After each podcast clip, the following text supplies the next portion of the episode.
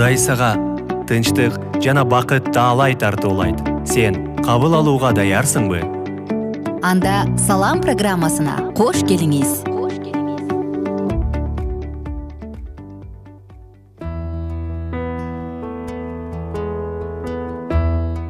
Салют достор! Баарыңыздар менен кайрадан амандашканыма абдан кубанычтамын.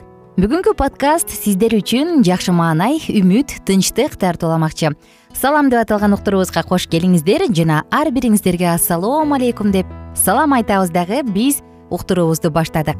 Достор ушул подкастта биз сиздер менен чогуу ыйык жазуу мындай дейт деп аталган аталыштагы уктуруубузду андан ары улантабыз. Биз менен бирге болуңуздар. Жана бүгүнкү учурда ушул эң эле актуалдуу болгон эң эле керектүү болгон маалыматтардын баардыгын сиздерге тартуулаганга даярбыз бүгүн сиздер менен тогузунчу сабакты баштайбыз. Ал эми сабактын аталышы асмандык конституция деп аталат. Келиңиздер алгач сиздер менен кыскача бир окуя угуп алалы ал окуядан кийин кайрадан амандашабыз дагы саатыбызды андан ары улантабыз.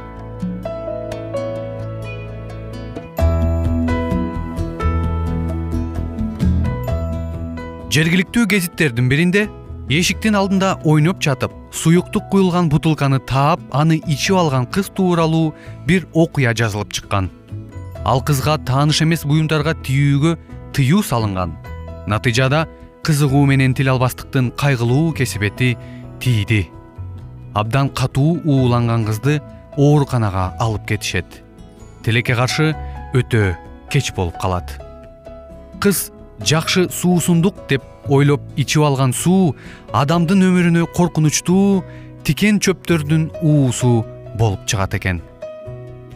Күнөө менен тил албастык дагы тикен чөптөргө каршы уу сыяктуу эле жан үчүн өлүмгө дуушар кылаарлык коркунучтуу. Көптөгөн адамдар күнөө менен ууланып калгандарын түшүнүшпөйт. Бул болсо өтө коркунучтуу. Библияда бактысыз жашоодон качып кутулуш үчүн эрежелер жазылган жана аларды аткаруу абдан маанилүү.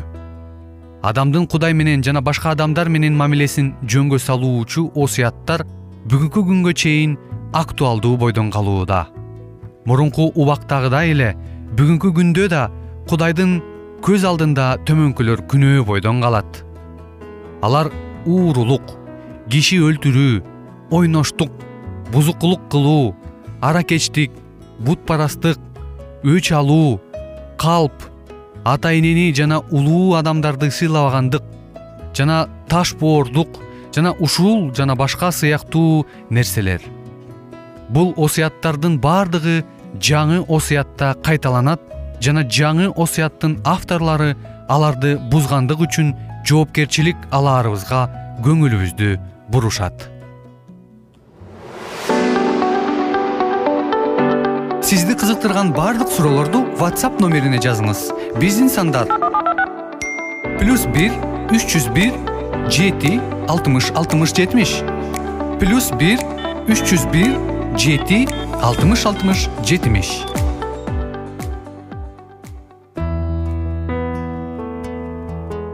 Асмандык конституция. Жергиликтүү гезиттердин биринде ушундай бир оор учурду оор маалыматтарды уккан учур болгон э караңыздарчы жогорку айтылган маалымат кандай гана? Жашообузда бизде көптөгөн нерселер болот. Жашообузда кыйын учурлар болот. Жашообузда эмнеге деген учурлар болот? Бирок булардын баардыгы тең биздин. Жашообузда сыноо катары берилиши мүмкүн шайтандын кийле күчүүсү болушу мүмкүн жана биздин ишенимибиздин өсүшү болушу мүмкүн. Айтор достор конституция дегенде эле биз ар бир өлкөнүн конституциясын эстейбиз. Мисалы кыргызстан биз ар бир жылы бешинчи майдан белгилеп келебиз. Эмне бул? Мыйзам женемдүүлүк сонун айтылган сөздөр бар э? Мыйзам дейт күнөөнүн күнөө экенин аныктап турат деп. Караңыздарчы эгерде күнөө бул күнөө деген маалымат жок болгон болсо анда бул күнөөбү же күнөө эмеспи? Ал жөнүндө маалымат дагы болбойт болчу экен. Тагыраак айтканда күнөөнү күнөө деп аныктаган бул мыйзам. Бүгүн сиздер менен биз ошол конституция тууралуу же болбосо тагыраагы асмандык конституция жөнүндө сөз кылабыз таң калыштуубу чындыгында бул сөздү укканда асмандык же бейиштин конституциясы дегенде биз сиздер менен ай ушул жактын да конституциясы барбы э деген маалыматка бир таңыркашыбыз мүмкүн. Же болбосо кантип эле ал жактын да бейиштин дагы асмандын дагы конституциясы бар деп макул болбошубуз мүмкүн.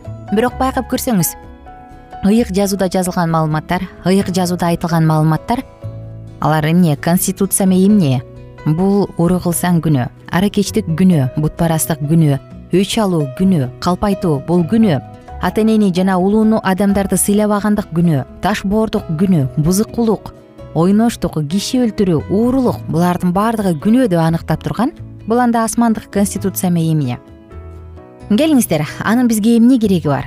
Биз ал тууралуу эмнени билишибиз керек? Жана жашообузга кандай таасир бере алат? Ушул тууралуу бүгүнкү уктуруубузда сөз кылалы сиздер менен бирге чогуубуз жана алдыда сонун маалыматтарды бөлүшүүгө даярбыз. Ыйса жана элчилер кудайдын мыйзамы жөнүндө эмне деп айтышкан? Карап көрбөйлүбү э ушул ыйык жазуудан.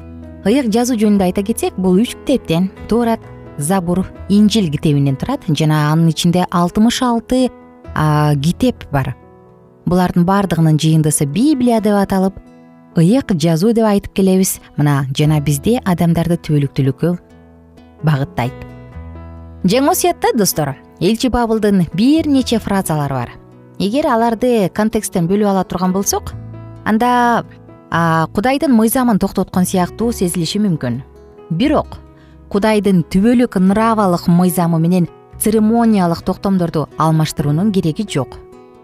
Эски осуятта алар символикалык түрдө ыйсанын жана анын курмандыгынын прообразы болчу. Пайгамбарчылык аткарылып ыйса өз жанын күнөөкөрлөр үчүн бергенден кийин алар маңызын жоготушкан. Бул тууралуу достор римдиктерге жазылган кат онунчу бап төртүнчү аятта жазылган. Ал тексттерде элчи пабыл церемониялык мыйзамдардын токтотулган аткарылган осуяттары тууралуу айткан. Алар адамдар күнөөдөн тазаланган иерусалим ибадатканаларына байланыштуу ритуал жана майрамдарга арналган болчу. Башка тексттерде элчи пабыл жана башка элчилер кудайдын мыйзамдарын мактап анын актуалдуулугу жөнүндө айтышкан. Мисалы бул тууралуу сиз римдиктерге жазылган кат биринчи корунттуктарга жазылган каттан жакыптын биринчи жаканынын каттарынан окуп кетсеңиз болот.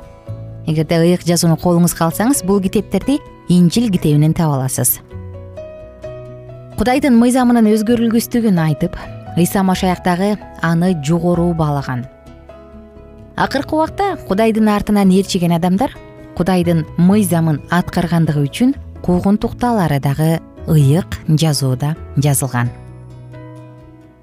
Мына достор дал ушундай. Жаңы осуят эмне деп окутат? Жаңы осуяттын конституциясы мыйзамы кандай кудай айткан он осуят кандай? Аларды аткаруу керекпи? Булар тууралуу биз сиздер менен кийинки уктурууда сөз кылабыз. Мына ошондуктан бизден алыстабаңыздар жана жалпыңыздарды кийинки уктурууда кайрадан амандашып ушул эле жерден тосуп алганга абдан кубанычта болом биздин сабактар менен кененирээк ал китап чекит медиа сайтынан таанышыңыз.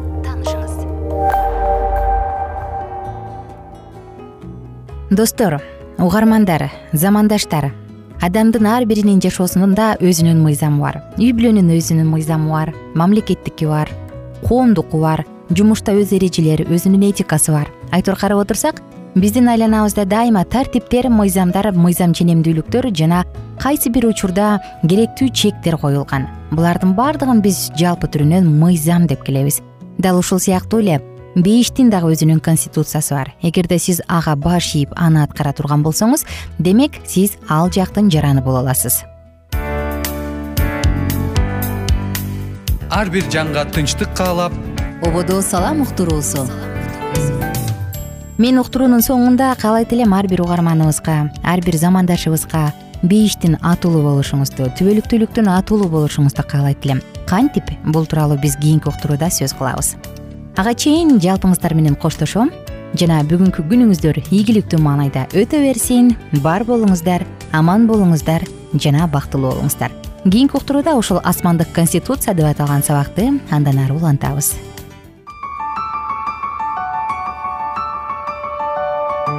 Бир гана кудай чыныгы тынчтык берет. Ободо салам уктуруусу